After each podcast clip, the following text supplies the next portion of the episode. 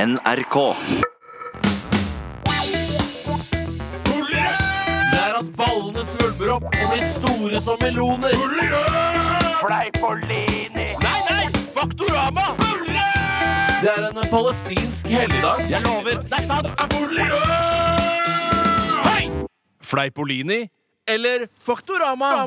Fra 1981 til 1985 var hun medlem av sosialkomiteen på Stortinget. Fra 85 til 89 valgkomiteen, kommunal- og miljøvernkomiteen, forbruker- og administrasjonskomiteen, så valgkomiteen igjen i 1992, så energi- og industrikomiteen, så ble hun varamedlem i den Vær så snill, da! Altså, han ble forbanna når du avbrøt. Fy og kødde. faen! Ja, Når du kødder i Ja, nå! introen hans, så blir han så gæren. Du må være I forsiktig. introen, Du må her være har jeg forsiktig. jobba. Ja, han Her har jeg jobba. Det er her han har lagt ned energien. Så ble hun varamedlem i den utvidede utenriks- og konstitusjonskomiteen. Deretter ble hun med i kirke- og undervisningskomiteen, og så ble hun bla, bla, bla.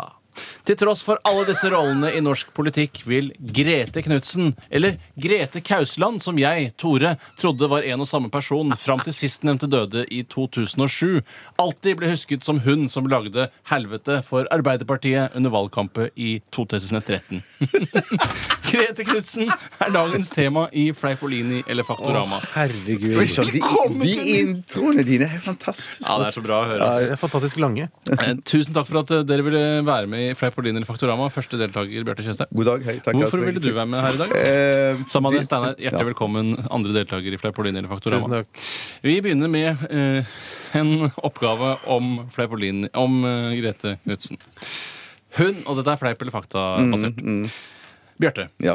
hun hadde hovedrollen i Ivo Caprinos første spillefilm, 'Ugler i mosen', fra 1959. Nei, for det er Grete Klaus, Klausland. Det er riktig! Ja, Klaus, Klausland. Steinar, Det er hva ikke sier du? G- Grete Klausland. Nei, det er Nei, Klausland. nei, ikke Grete Klausland. Steinar? Jeg tror det er Fleipolini.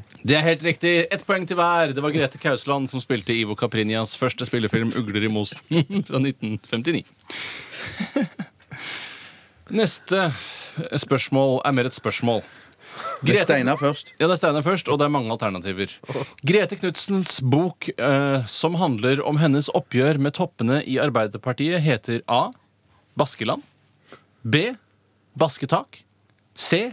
Basketball. D. Cricket eller F. Krokket. Merk at jeg har utelatt E, da er det min ulykkesbokstav. Tisse på meg nå.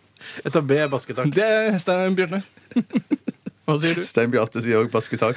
Det er riktig! Begge basketak er tittelen på hennes oppgjør med toppene i Arbeiderpartiet. 2-2. Tuppene skal du ha. Så eh, er det et nytt spørsmål. Bjarte. Ja. To ord er brukt for å beskrive Jens Stoltenberg i boken Basketak. Er det A. Stolt og pompøs. B. Kåt og hengslete. C. Stygg og rar. D. Konfliktsky og unnvikende. Eller F. Brun og blid. Legg merke til at jeg har utelatt E. Der det er min ulykkesbokstav. Konfliktsky og unnvikende. Ja, Det er ikke det som er spørsmålet. Hvilken bokstav? Skal vi se Ja, du må si Nei, det var ikke hvilken bokstav. det! Du må Hvorfor ikke det si ordet på vei etter hvert? Ta det piano. To ord er brukt for å beskrive Ja, det Jens var det jeg spurte om, Stoltenberg i to ord. boken Ja, to ord. Basketak. Ja, er det A. Stolt og pompøs. Kåt og hengslete. Stygg og rar. Konfliktsky og unnvikende. Eller brun og blid. Konfliktsky og unnvikende. Steinar? konfliktsky og unnvikende. Men du Det er skal, riktig, egentlig, tre-tre! du skal svare bokstaven. Det er det som er poenget med å ha Nei, det Så var den- alternativer. jeg det er skulle egentlig vil at man spørsmålet. svarer D. Konfliktsky og unnvikende. Ja, men det da er svarer riktig. jeg D, konfliktsky og unnvikende. Det er også riktig. Så kommer det en litt vanskeligere spørsmål.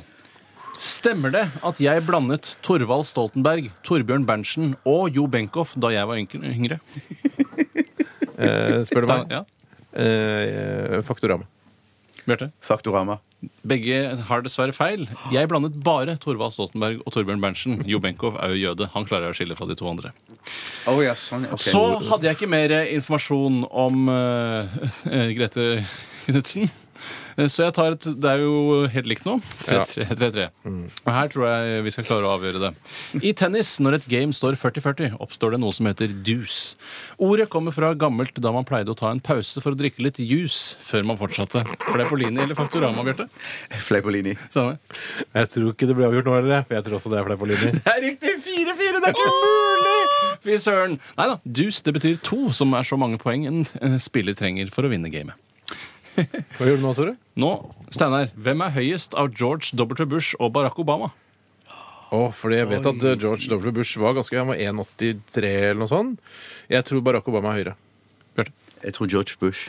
Vi har en vinner, og vinneren er Steinar Wilhelminius Sagen! Det var Yes. Barack Obama som høyest med sine 1,85 mot George W. Bush sine 1,82. Til slutt tar vi bare et morsomt eh, ekstrainformasjon. Ironside HS2606 er en hammer som selges på Jernia. Den koster 199 kroner. Jeg trenger ikke å spørre det, for det var allerede avgjort. Det er reklame.